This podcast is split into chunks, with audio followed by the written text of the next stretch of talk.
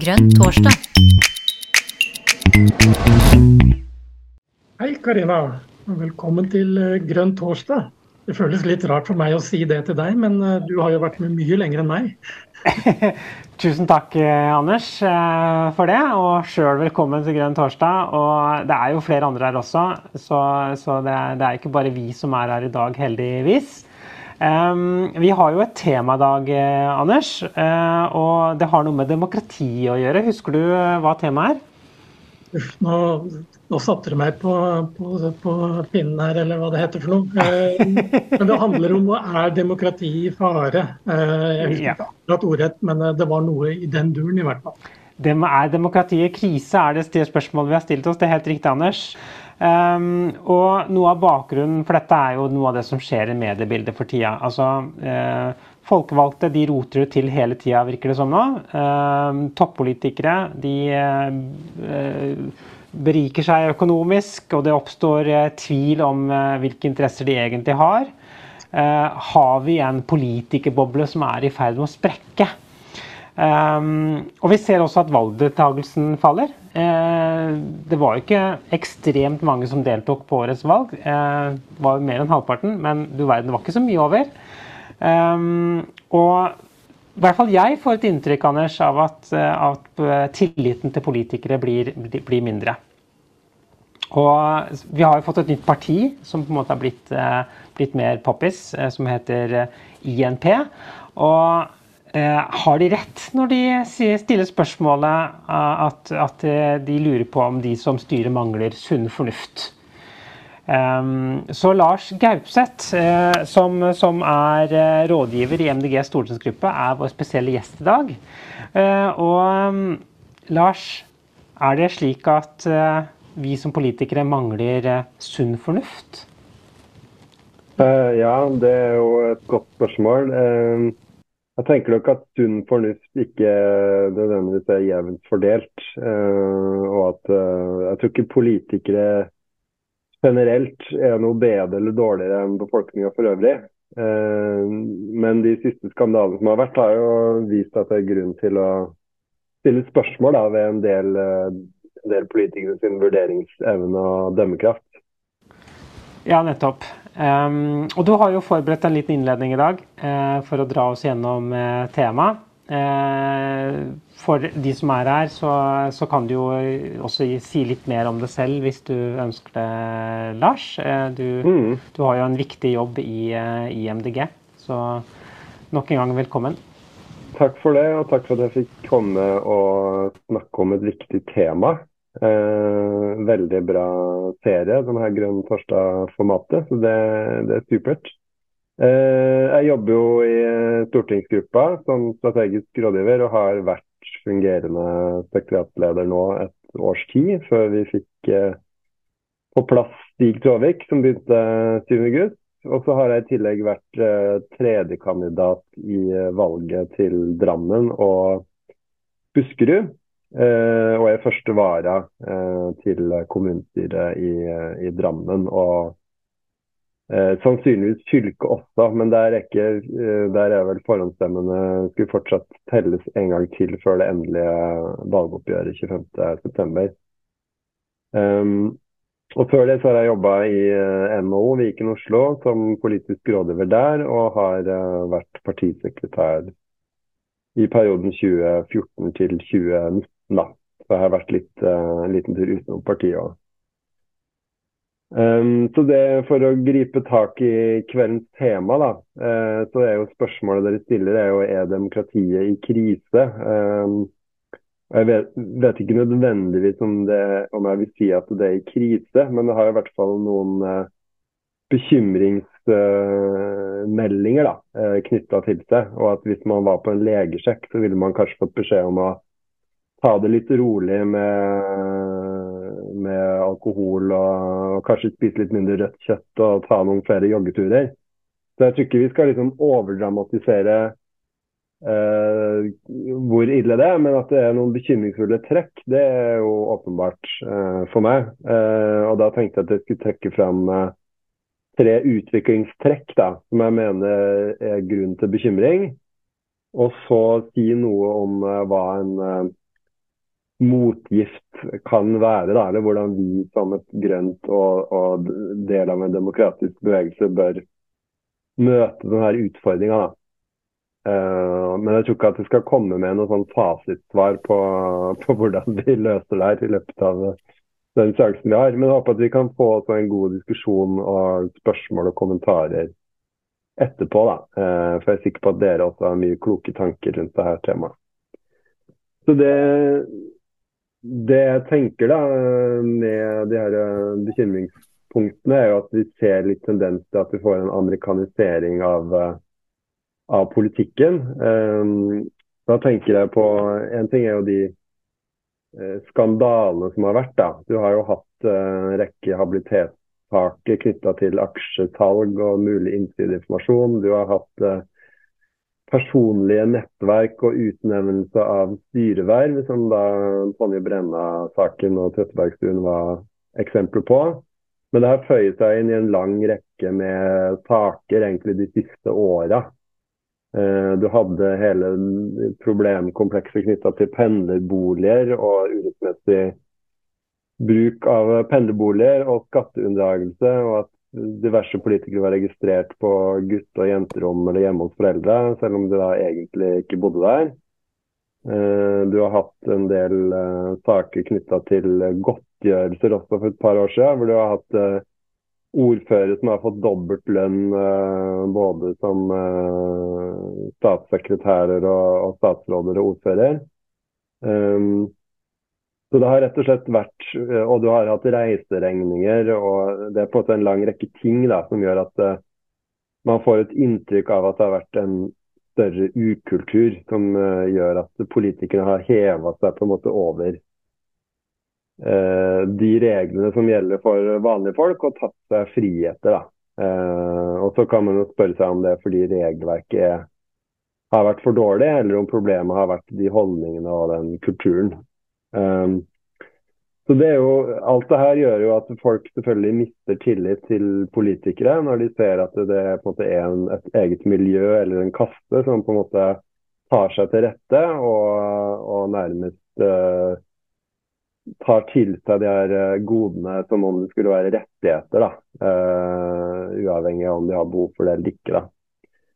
Uh, den andre tingen som jeg vil trekke fram, er jo at um, som er bekymringsfullt for demokratiet sin del, da, uh, det er jo at du har fått en veldig sterk fremvekst av anonyme donorer. Du så vi i denne valgkampen hvor du hadde aksjon på borgerlig valgseier som da ga 10 millioner var det vel i pengestøtte til de borgerlige partiene. Det var ingen som visste hvem som sto bak, hvem de her personene som ga de pengene var. Det ble kanalisert gjennom en organisasjon. Uh, og det minner jo om den type superpacks som du har i USA, hvor du kan samle inn masse penger og gi til en kandidat uh, uten at man har fått stå fram med navn. da.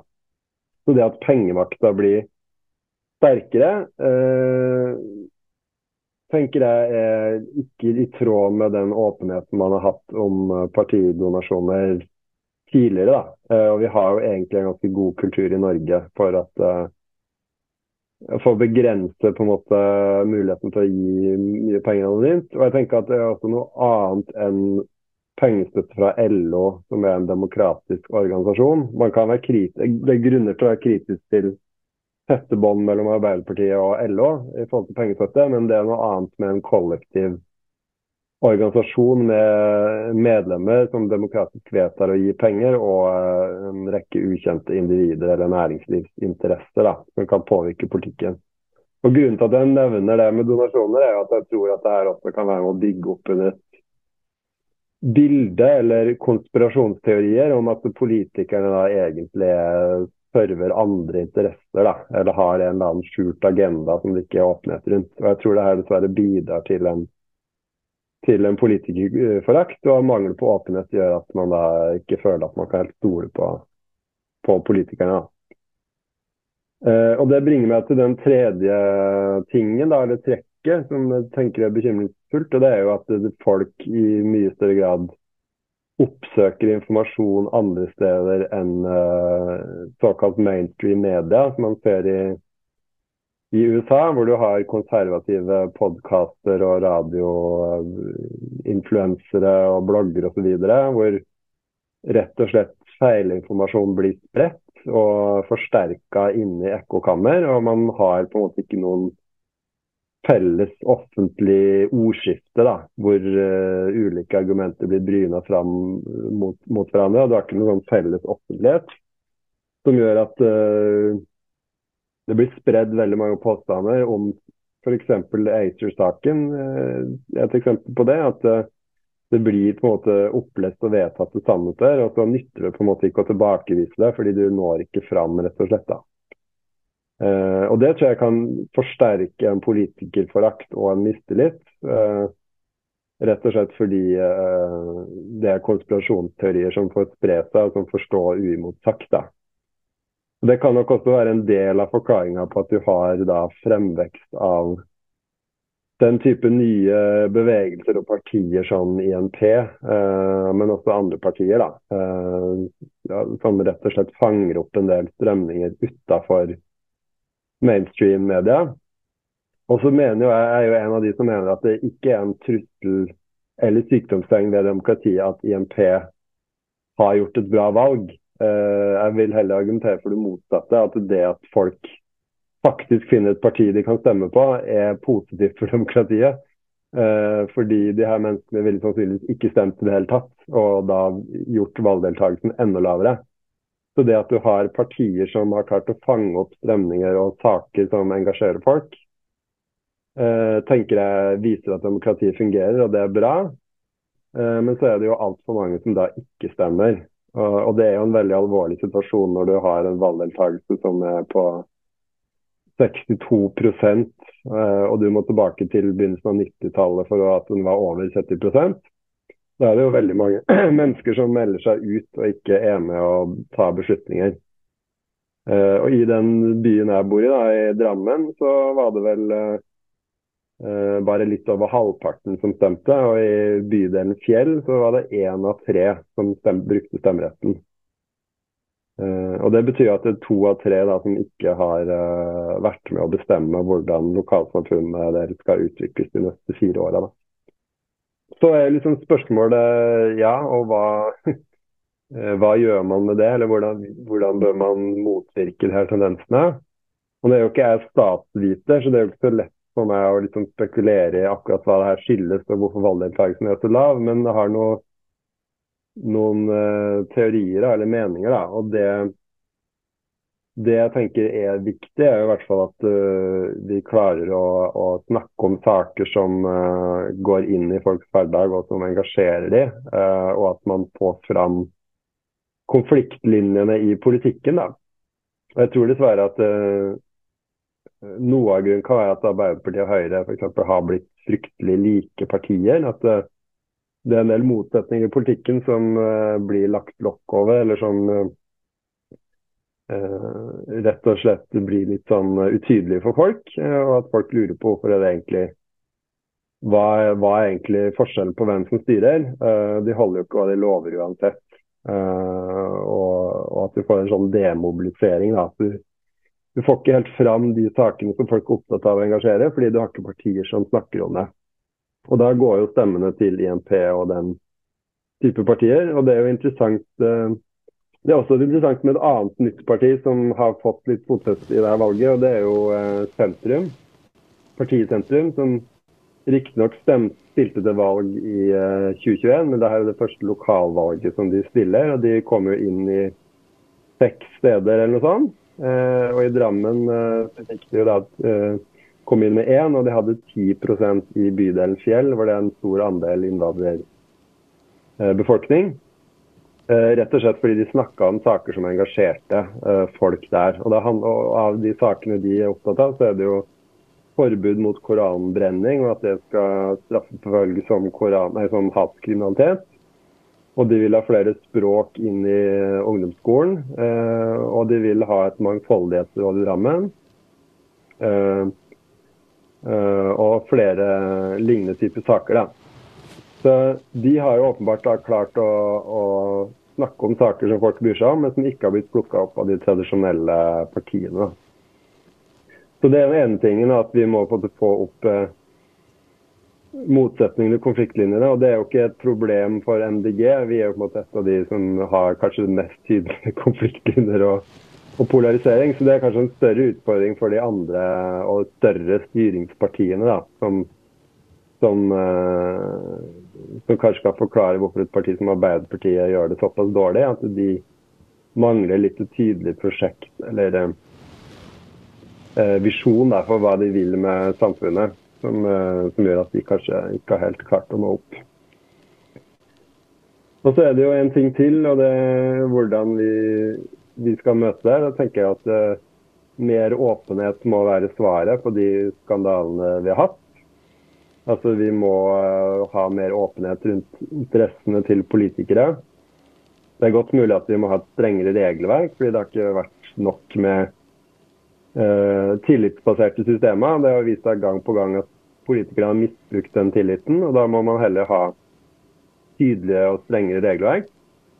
Uh, men man må endre kulturen, da, og, og, regelverk kan være en måte å endre den politiske kulturen på. At du rett og slett må stramme ganske kraftig, men så må du stoppe den type ting som å gjøre det vanskeligere med innsyn, sånn som forslaget til ny offentlighetslov, som nå heldigvis har blitt trukket tilbake av regjeringa fordi de så at, at de fikk massiv motstand på det. Uh, og En ting vi i MDG har løfta på Stortinget og lokalt mange steder, er jo det her med lobbyregister. Innføring av det for å se hvilke, uh, hvem som prøver å påvirke politikerne. Det er noe som vi bør fortsette å følge opp. Um, og så tenker jeg Den siste tingen jeg vil trekke fram, er at jeg tror det er veldig viktig å bryte ned de her ulike siloene vi befinner oss i. Og snakke med folk vi er uenig i. Eh, og rett og slett ha offentlig, skape offentlige arenaer hvor vi kan uh, møtes og være rykende uenige med hverandre. Og Der tror jeg det er vel så mye venstre til MDG som også må gå i seg sjøl. At vi, vi, må heller ikke bare oppsøke de som er enige med oss. Vi må bank, fortsette å banke på dører. Vi må fortsette å diskutere med folk. Uh, uh, uansett hvilke sammenhenger vi er. Og selv om det kan være ubehagelig, så tror jeg at vi Uh, ja, vi er nødt til å, å, prøve nye veier for å komme i kontakt med folk. da. Fordi Hvis vi lukker oss inne i, i ekkokammeret, så er det fryktelig mange påstander både om oss og om andre ting i samfunnsutviklinga som får stå uimotsagt.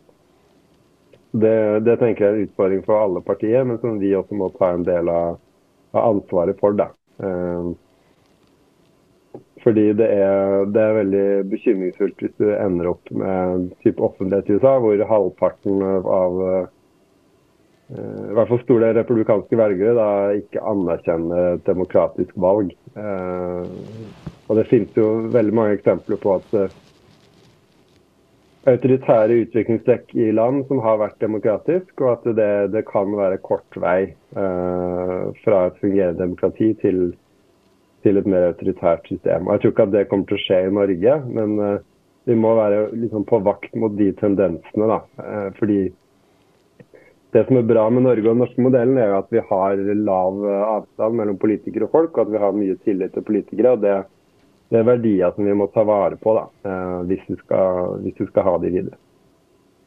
Så jeg gir meg der, Karina, og sier takk foreløpig. Så håper jeg på at vi får litt diskusjon. Supert takk, eh, supert eh, takk skal du ha, Lars. Eh, og da er det jo sånn folkens, at det er lov å bruke den såkalt raise hands-funksjonen for å vise og indikere at dere ønsker å ta ordet. Hvis dere mot formodning skulle ha en sånn raise hands-funksjon som ikke fungerer, så er det lov å skrive 'jeg vil ha ordet' i chatten. Um, så ser jeg at du også unmuta deg, Anders. Det betyr kanskje at du har, har noe på hjertet. Men før jeg slipper deg til, Um, så, så, tenker jeg at vi har jo, det er jo flere, altså Du har jo pekt på flere utfordringer her, eh, Lars. Eh, og, og, og, den ene går jo på den, den, reelle tilliten som vi får som politikere. Eh, men det andre går jo på en manglende anerkjennelse av et felles faktagrunnlag. Altså det at, at, at man er ikke engang enige om hva som er hva som er reelle nyheter, eller hva som er reelle fakta. Og, og, jeg må jo si at nå er jo antagelig Facebook et dårlig sted å finne fakta. Det må vi jo kunne være e-, enige om. Eh, men det er ganske begredelig det nivået som en del av debattene på Facebook er, altså. Eh, jeg opplever det som dypt problematisk. At det er så lett å bare rett og slett ljuge og spre dritt, eh, som enkelte gjør. Og det er jo regelrett feilinformasjon. Har du noen tanker om det, Lars, før Anders får slippe til? Jo da, det, det tror jeg også du er inne på en, noe som faktisk er en trussel mot demokratiet. og Det er jo all den hetsen som eh, lokalpolitikere blir utsatt for. eh, og som gjør at mange rett og slett ikke orker å engasjere seg i lokalpolitikken. Fordi det blir så mye dritt som de må stå imot. Og det blir eh, på en måte løgn og fake news og feilinformasjon som sprer seg veldig raskt og kommer opp i et omfang som uh, Det blir på en måte som å prøve å ta sandpasta tilbake i tuben. da. Uh, og da har du i tillegg de tingene som vi ikke har snakka om, med kunstig intelligens og muligheten for å manipulere bilder og lyd og film osv. Og, så og hva det gjør med demokratiet vårt, det er jo veldig skremmende å tenke på. da. Uh, vi ser jo allerede tendenser til hvordan Russland opererer og, og prøver å påvirke valg. da. Så det er jo her må man jo på en måte temme teknologien og ha gode reguleringer på plass. Da. Man må på en måte ha en god mediepolitikk, og man må ha en god eh, politikk overfor de her teknologiselskapene for å sikre rett og slett eh, en demokratisk opplyst samtale. Eh, så det er jo en kjempeutfordring. Har ikke noe, jeg skulle ønske jeg hadde et veldig godt svar på hvordan vi kunne løse det, men det, det er en ganske sånn formidabel oppgave som jeg tror vi vi henger etter da, vi henger etter den teknologiske utviklinga med regelverket som vi ikke har uh, holdt tritt med. Ja, det, det, er jo helt riktig. altså Det har vi jo gjort i hva skal vi si, alle år. Eh, politikere har en tendens til å komme halsen etter den teknologiske utviklingen. Den går gjerne foran, og så, så kommer man etter et år eller fem år uh, i etterkant og, og får til noen sånn cirka-reguleringer av av det som var, og, og ikke det som er. Men, men, men, sånn er det nå. Det er liksom en del av gamet, sånn det fungerer. Eh, og det, det er nå en del som jeg sier, det er en del av gamet å få inn noen reguleringer der det er behov. Eh, få inn holdningskampanjer og alt mulig rart sånt noe som man snakker så mye fint om. Men, eh, men hva er det som egentlig hjelper, da? Eh, altså vi har eh, antidemokratiske, eller eh, kanskje, kanskje jeg heller skal kalle det udemokratiske strømninger i, eh, i, i samfunnet. Vi har eh, eh, den typen eh, som dere var innom med hets på nett og hets på gateplan for den saks skyld, når man står på stand. Det, jo, det, virker jo ikke noe som Vi har prøvd masse forskjellig, men det virker ikke som det er noe som hjelper egentlig. Annet enn å bare stå, på, stå opp og være eh, ren og rakrygget, som det heter. Vet ikke om du har noen tanker om det, Lars, eller kanskje noen andre?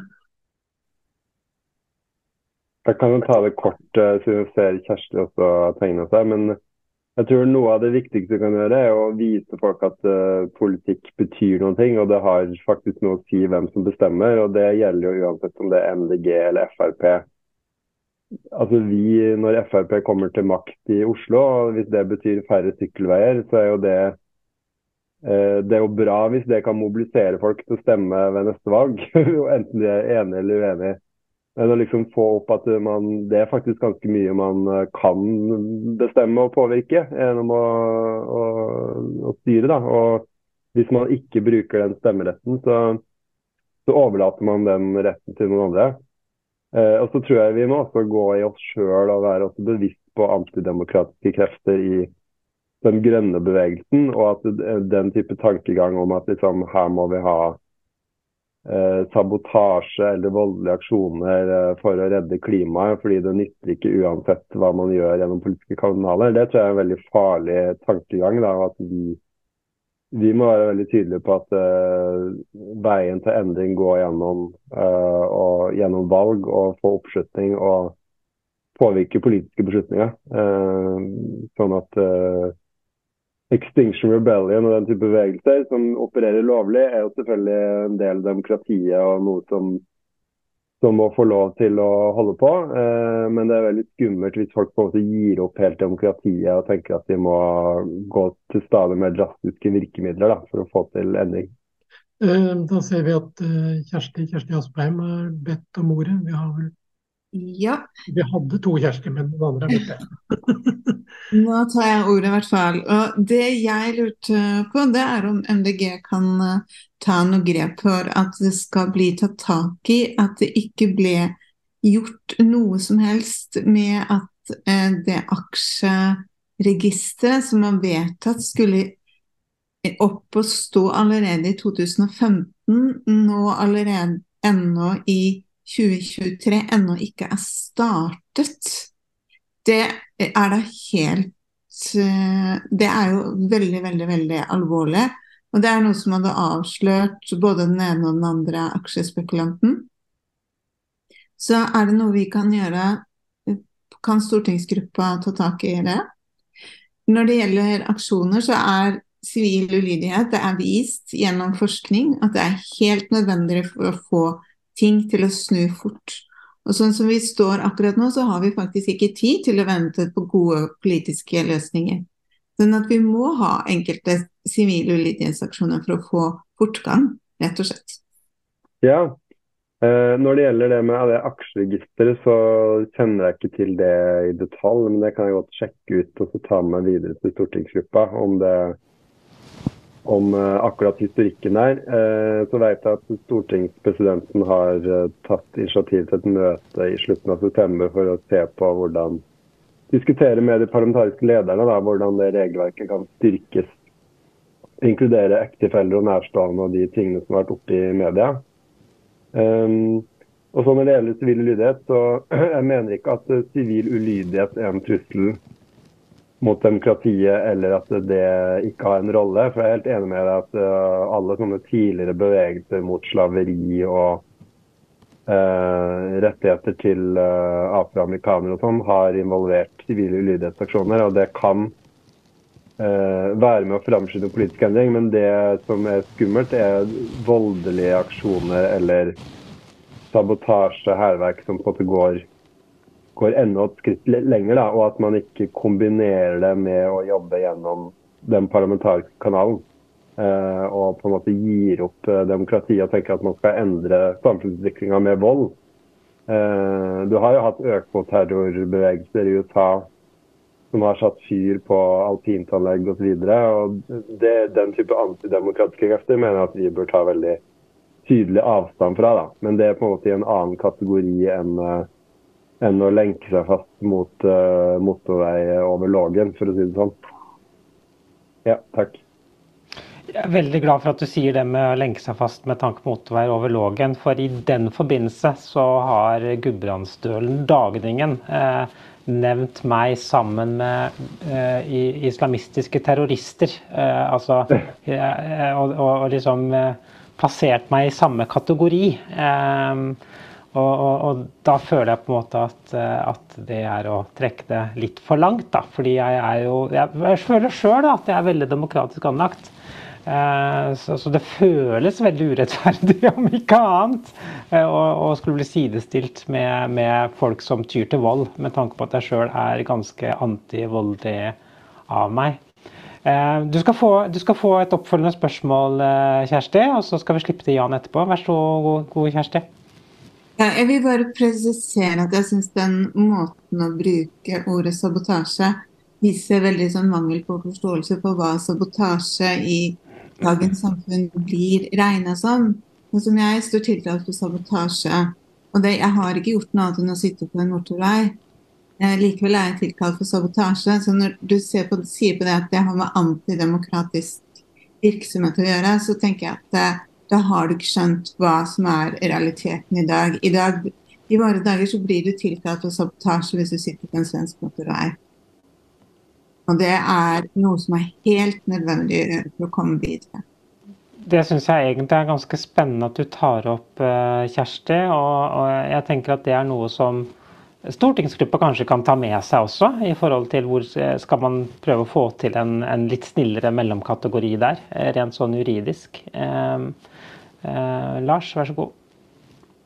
Eh, ja, og det er helt sikkert eh, definisjoner der man kan diskutere hvor går grensa over til fra det ene til det andre. Men det, det jeg tenker på, er jo skadeverk. Altså ikke, ikke, å lage kø på en motorvei, men materielle ødeleggelser, men også uh, spesielt uh, fare for liv og helse. Altså Hvis du setter fyr på en bygning, da, som det har vært ek eksempel på i USA, så er det faktisk farlig for menneskeliv. At det er en veldig tydelig grense man må sette. Eh, og at man på en måte bruker, sprer frykt da, for å oppnå politiske mål, det mener jeg er en veldig sånn, tydelig grense som vi må, må ta avstand fra. Og så vil det helt sikkert være gråsoner og grenseoppganger som må gjøres. Mm. Takk, Lars. Da, Jan, kan du få lov til å slippe til. Uh, jeg har notert en del. Uh, veldig enig med Kjersten Aspem angående aksjeregister. Det må vi få på plass. Men det er jo en liten sånn uh, ny sak, egentlig. men vi har også hatt en sånn prøving på lovendring om innsyn i offentlige saker som egentlig prøvde å bli skjerpet. Altså, det er veldig farlig å bare la seg kvele innsynet. Lobbyregister, klart, det må inn. Fordi at det er så mange, eh, la si, udemokratiske sånn som vi ser, eh, stemmer som kommer inn i politikken og prøver å påvirke. Så det var nå de tre sakene. Ehm, det som jeg reagerer på, det er det at den bryter det som kalles fint maktfordelingsprinsippet. Og det er Jeg vet ikke om dere har egentlig kjennskap til det, men det gjelder egentlig eh, balansen mellom eh, spesielt politisk makt og eh, rettssystemet. Det vet jeg har egentlig vært et problem, fordi at sånn som jeg vet angående rettssystemet, det jeg har fått informasjoner om fra eh, advokater, det er at eh, rettssystemet blir egentlig økonomisk nedpint. Og det tar veldig lang tid for å få saken gjennom. Og Det betyr egentlig at uh, vi har saker der uh, det blir politisk vedtak, og det blir gjennomført og iverksatt og kanskje avsluttet før retten har sagt sitt og sagt endelig ord. Uh, det skjedde i Bremanger-saken med Olav Borten Moe, det skjer i Fosen-saken. Det skjer masse sånn at en bare kjører i gang, og så bygger en ut. Og så kommer retten i etterkant og sier at dette var ikke bra. Så det, er, det å få styrket rettsvesenet, det er en viktig del av det å få på plass eller maktfordelingsprinsippet. Um, ja. Det var en del av det. Um, det å få vinklet informasjon fra pressen, det er jo sånn som jeg ser på det et stort problem. Fordi at uh, uh, egentlig så er pressen ikke interessert i å, for, å, formidle sannheten. De er interessert i å tjene penger på det som folk vil ha. Så det er ikke nødvendigvis det som egentlig står i pressen som er sant. Så uh, der burde en også hatt mer fokus på redaksjonelt ansvar har sagt at ok, eh, hvis dette er en vinklet artikkel, så må det fram. Og det er sånn som det har vært det siste med pressen.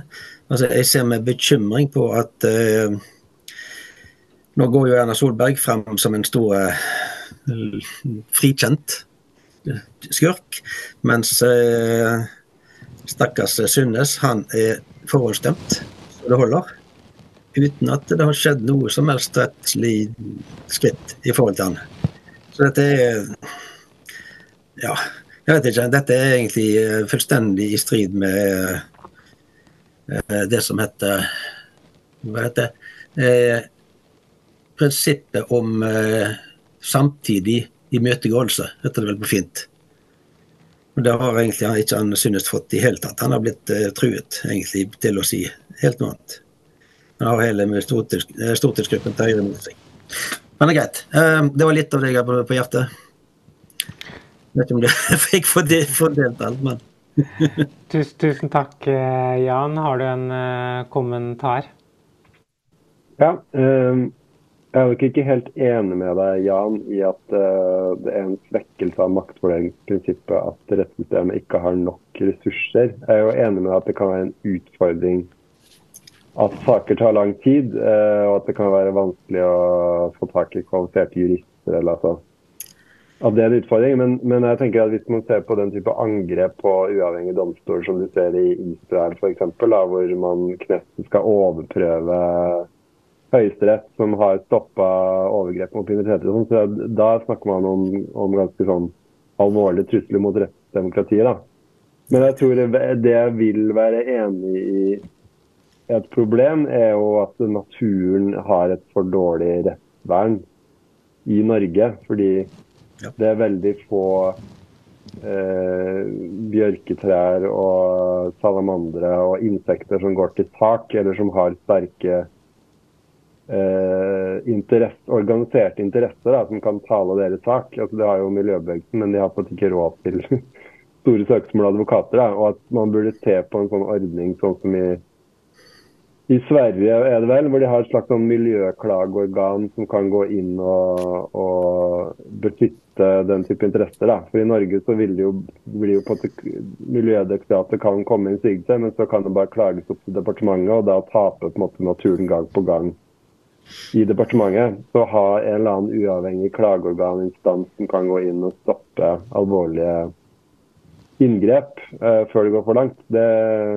tenker jeg er noe vi bør vurdere og se nærmere på. Jeg tror også det har vært foreslått uh, på Stortinget av, uh, av Rødt eller SV uh, for et par år siden. Og så var det det med mediekritikk. så um, Jeg vet ikke om jeg skal gå inn på den diskusjonen, da, men jeg tenker jo at det er viktig at man har jeg er veldig opptatt av å verne om den frie pressa, og det er en veldig grunnleggende verdi. og jeg tenker at det Ansvaret for situasjonen i Høyre må vel egentlig Erna og Høyre ta sjøl, og at ikke det, vi kan skylde på media for det. Eh, men at det er viktig eh, Det som bekymrer meg i forhold til media og demokrati, er jo på en for sterk eierkonsentrasjon i store medier, konglomerat, og at vi sikrer et mangfold. Da. Eh, at vi har pressestøtte som gjør at lokalaviser får gode kår, at de kan være uavhengige av store konsern. Da. Og at når det gjelder klageordning og, og manglende tilsvar Samtidig så har de jo en sjølpålagt ordning med PFU som i hvert fall jeg opplever at bransjen tar ganske på alvor. Da, og at det finnes interne mekanismer for å rette opp i, i grove feilgrep. Og så Hvis ikke det fungerer, så må man jo se på det. Men, men uh, jeg tenker at ja, det er ganske mye i Presse-Norge som fungerer bra, og så må vi sikre et mangfold. da. Ja, da, Da har vi fått uh, flere hender i været. Nå begynner vi å ta av litt her. først ute er det såkalte eller Miljøpartiet Færder, som egentlig heter Anine Støvsland. Vær så god, Anine. Ja, takk. Jeg har bare ikke rukket å bytte Vi har sittet i intense forhandlinger med et litt mindre parti, eller litt nyere parti enn oss. Så da må jeg hete Miljøpartiet, som det heter. Jeg syns diskusjonen er kjempespennende. Altså, jeg er ikke helt der at jeg har uh, gjort noen aksjoner som har vært helt uh, ulovlige, men, men um, ikke helt ulovlige, i hvert fall. Men uh, det, det, jeg har som en sånn betraktning, er jo på en måte sånn at eh, det, det foregår egentlig veldig, veldig mye bra liksom, politisk arbeid, men så får vi ikke synliggjort det.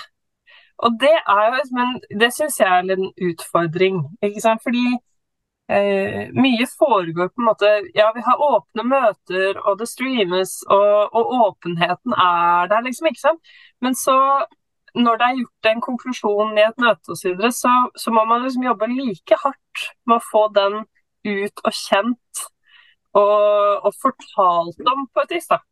Og, og, den gjelder både, begge veier. Både ting som er sånn skikkelig gode saker som man har lyst til å liksom fortelle at se, dette klarte vi. Og så gjelder det motsatte. Se hva de gjorde nå. Så jeg kom nok inn i møtet her med en litt sånn følelse fra en sak som jeg holdt på med i hele går i et sånn hovedutvalg for kommunalteknikk, hvor noen nå plutselig liksom har fått lov til å ta nærskogen til et stort lokalområde. ikke sant? Og da er det sånn da føler jeg på en måte at min oppgave som politiker er jo ferdig. jeg har jo på en måte gjort i utvalget alt det jeg kan gjøre. Og så må jeg på en måte aktivere tilbake igjen og si hei, dette gikk ikke sånn som dere hadde håpet. Nå må dere ikke sant? Jeg må be om den der feedbacken tilbake igjen, da. Så det er, eh, det er den responsen. Hvordan få den der responsen som gjør at folk eh, er med i kampen, da. Det er der jeg var litt nå. Og da skjønner jeg at man blir skikkelig lei. Jeg skjønner at man stemmer på protestpartier, jeg skjønner at man gjør aksjoner, og jeg skjønner at man, man virkelig liksom vil få synlighet rundt ting. Og det, ja, det, det forstår jeg veldig, veldig godt. ikke sant? Så, ja, det var mer et hjertesukk. Men det er liksom hvordan Når, når slutter den politiske oppgaven? ikke sant? Jeg har vært i utvalget, jeg har brukt hele dagen min der, jeg har argumentert, jeg er nedstemt. Eh, da er jo egentlig løpet kjørt, da, hvis jeg skal følge det politiske systemet sånn som det er. Så ja, det var uh... mm. Hvor er folka? ja. Du har sikkert en tanke, Lars, men eh, hold den tanken, så slipper vi til de to andre som har hendene oppe. Og så kan du få ordet til alle tre etterpå, tenkte jeg. Eh, og da er det Marion som er først. Ja, takk. Jeg kanskje skal flytte så jeg ser på um, jeg har liksom en liten sånn samling eh, tanker og, og, et par spørsmål, kanskje. Eh, det ene jeg tenker på som jeg lurer litt på, det er det her lobbyregisteret som har blitt nedstemt et par ganger i Stortinget. Hvem var det som stemte mot det? Var det liksom mesteparten av partiene? Ja, det, måste ja, det var jo sikkert det, da. Men eh, det, for det er jo en sånn sak som kjennes ganske så grunnleggende, naturligvis. Um, valgdeltakelse, alltså det, jag, jag sitter inte med någon facit, men, uh, men jag stussar ju över forskjellen mellom uh, Norge og Sverige der. Uh, der man tycker at 84-85 procent er et veldig lavt deltakende. medan vi lå på, jeg tror 61 procent her i min kommune, nu, nu for ikke så lenge siden her i Namsås. Og forskjellen der eh, er vel to ting. Det ene er at uh, hoveddagen for stemming er, er på søndager. Uh, alltid.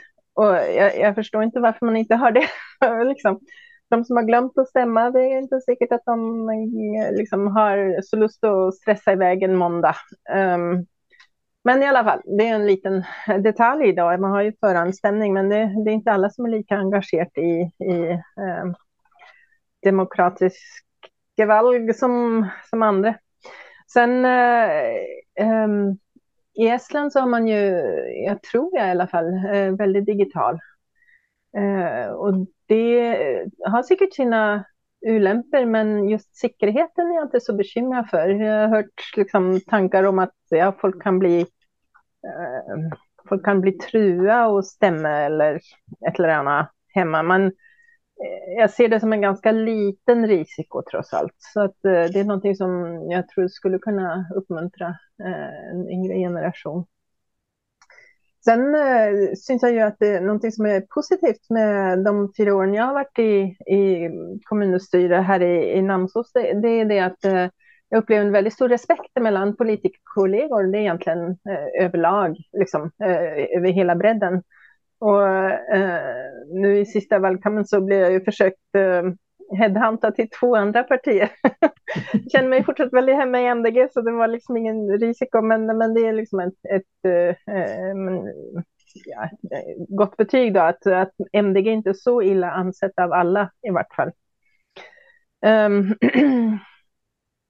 en ting jeg er veldig bekymret for uh, påverkansoperationer faktiskt. Eh, jag tror att det är någonting som inte blir mindre. Och I Sverige har vi haft ett politiskt parti som har haft en de facto betald trollfabrik eh, för att skapa uhygge i kommentarsfält i sociala medier. Och det, är, eh, det, det märker man väldigt tydligt. Alltså det, det är en extremt stor forskjell eh, från, innan de dök upp till, liksom, på den måten till, till etter. Och vad gör man med det då? Ja, eh, det är svårt att hitta något enkelt.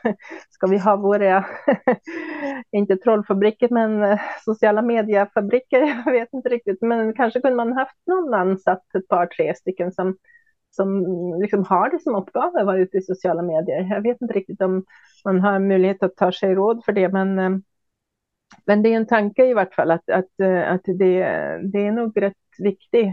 Själv så tror jeg at vi ikke gjorde det så bra her i Namsos. Det beror på at vi ikke har vært speciellt aktive ute i medier, varken sociala medier eller vanlige medier. Det liksom har vært litt kapacitetsutfordringar.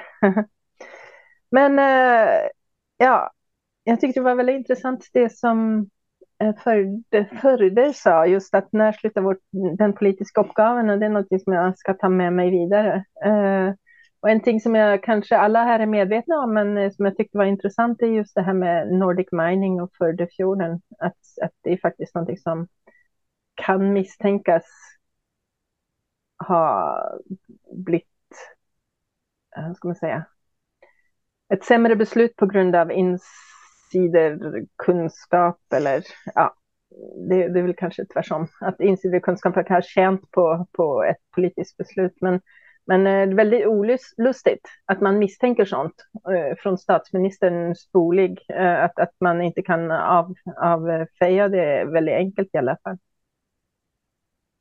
Mm. Ja, ja, men det var vel kanskje det. Takk. Ja, takk, Mariann.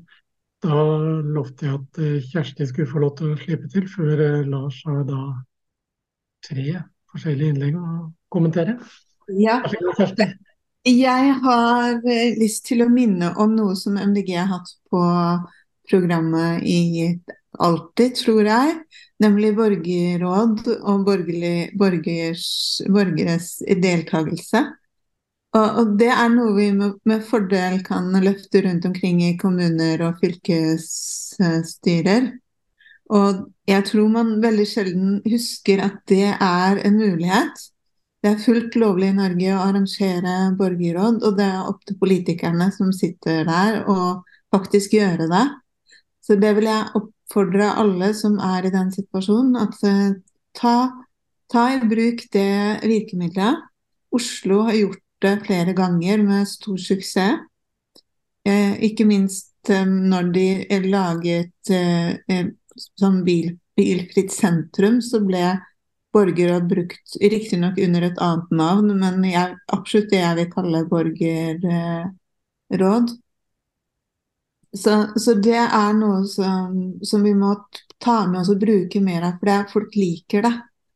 Og, og der på en måte, da vil folk like Det vil være noe som vil være et pluss for oss. At ja, men MDG det er de som, de som foreslår borgerråd, de som drar i gang borgerråd.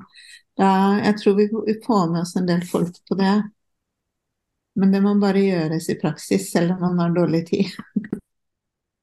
Lars, da har du fått uh, Har du notert underveis så du husker hva som har blitt sagt, eller? Ja, det var jo veldig mye smart som var sagt, da, så det er jo ikke så lett å kommentere det på oh, såpass kort tid. Men uh, En bra kommentar, det, om å si at det begynner med å si at det er smart. ja, ikke sant. Uh, jeg bare tenkte på det Anine sa om når du slutter jobben når man har gjort alt man kan og man blir nedstemt, og at det er vanskelig å kommunisere det tilbake til velgerne. da. Uh, og det skulle jeg ønske at jeg hadde et godt svar på. Det er jo veldig frustrerende når man bruker veldig mye energi. Og det gjør vi jo nasjonalt òg, at vi kan liksom vi kan fremme en masse forslag og vi kan føle at vi liksom har vært på i media og virkelig pusha på for en sak, og så er det liksom ingen som har fått det ned seg. At uh, det blir liksom Hvor er MDG i denne saken, da? Uh, og så føler man liksom at man har prøvd det man kan, da. Det, men det er jo liksom viktig for å få fram at det nytter og det spiller en rolle hvilke partier man stemmer på. da, Og minner folk om det når det er valg. At uh, hadde MDG hatt ett eller to mandat til eller uh, litt sterkere, så, så, kunne det her faktisk vært annerledes. Om det gjelder en strandsone i Ferde eller hva det gjelder. da.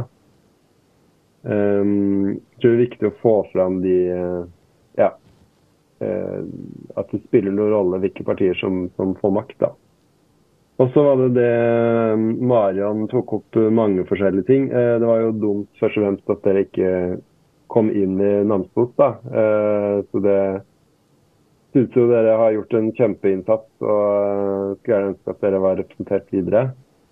Um, men du nevnte det med, med valg, lobbyregister, og de som stemte imot de som stemte for, det er kanskje lettere å ta de, det var Venstre og SV og Rødt.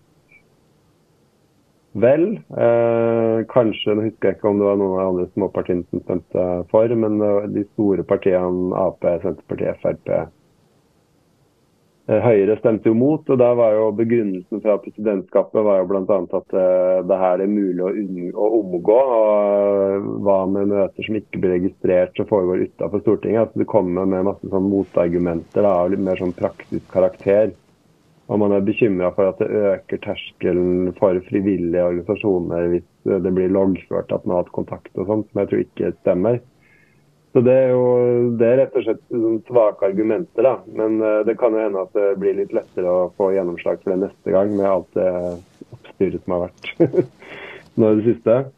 Uh, og så var det valgdag på søndager. Det, um, Kanskje det er fordi uh, Sverige har mer tradisjon for søndagsåpne butikker. Jeg vet ikke. at jeg tenker at man kan...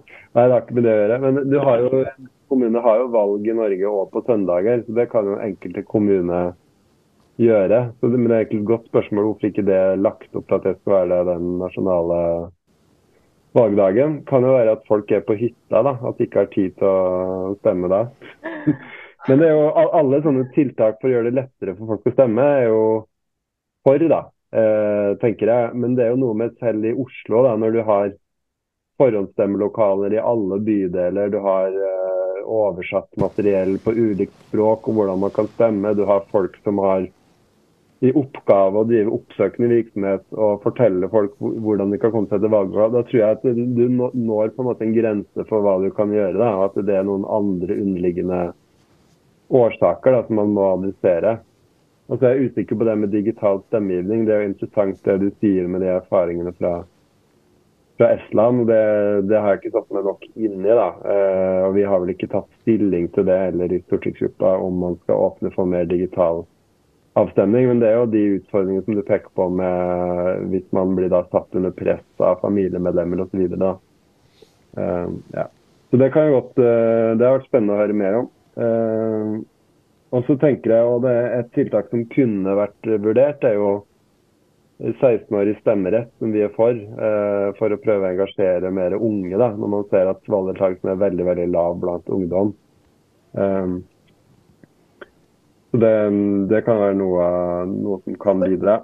Får jeg bare skyte inn en ting som jeg glemte å si? og det er jo at i Sverige, En forskjell er jo at vi faktisk bare stemmer hvert fjerde år. Eh, så det kanskje kjennes litt mer dramatisk. Her er jo 81 kommunefylke, mm. storting annet år. Det kan nok være, ja. Fordi det er jo klart at Hvis du da først stemmer i riksdagsvalget, så er det kanskje større sjanse for at du stemmer i lokalvalget òg, da. Mens i Norge så er jo det to forskjellige tidspunkt, og da er det større engasjement rundt et stortingsvalg. Så det Kanskje vi skulle hatt valg, begge valgene hvert fjerde år. Da ville det vært litt, litt mindre stress å ikke ha valg annethvert år for alle lokallagene våre. Men uh, kanskje litt vanskelig å få fokus på lokale saker, da. Og det med fremmede makter det, er jo ikke få, det er jo ikke lett å få fokus på lokale saker nå heller. Altså Hvis du ser på riksmedia i forbindelse med lokalvalget. Ja, ja. Og så det med fremmede makter, det tenker jeg er veldig skummelt. Med både trollfabrikker og annen type påvirkning. Og det er jo noe som PST hadde møte med MDG om og andre partier. At det, det viktigste man kan gjøre, er å bare være bevisst på at det er at noen har en agenda, og hvis man merker noe mistenkelig, og på en måte ikke hopper på, da. Eh, og anerkjenne at det er et problem. Og så er jo det noe som som skremmende uh, å, tenke på, som vi jobber videre mot. Og så til slutt uh, det til Kjersti med borgerråd. Syns det er veldig interessant uh, forslag, og noe som vi sikkert burde gjøre mer av. Jeg vet jo Frankrike og Macron har vel også kjørt ganske mye på det med lokale borgerråd. og At alle sånne ting som kan inkludere flere inn i inn i, i, å påvirke, og demokratiet er bra. da. Og Det er kanskje en måte å involvere ulike samfunnslag på som ikke kanskje føler at de har et parti de kan stemme på, men at de får muligheten til å, å si og mene noe. da. Så mye, mye, bra innspill og kommentarer. så Jeg har ikke noe mer, noe mer å legge til, tror jeg. Nei, men det er vel rimelig god timing også, det. For der klikka klokka mi ni.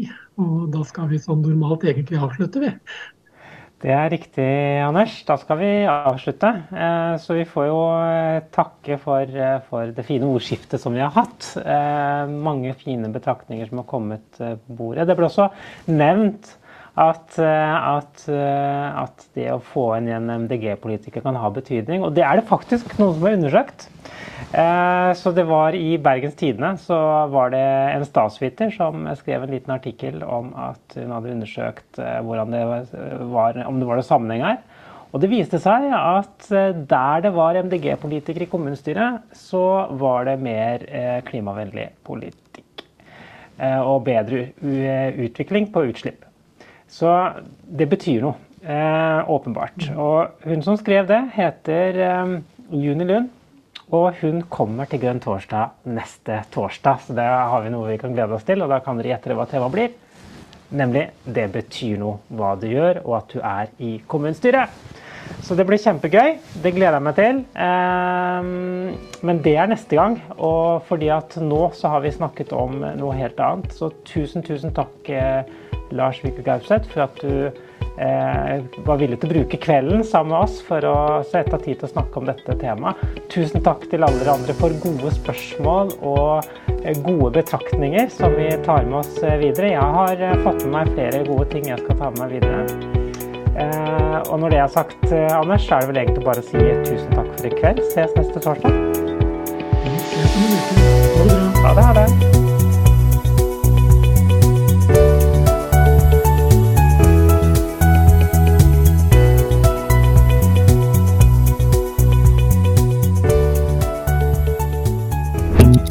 Grønn torsdag.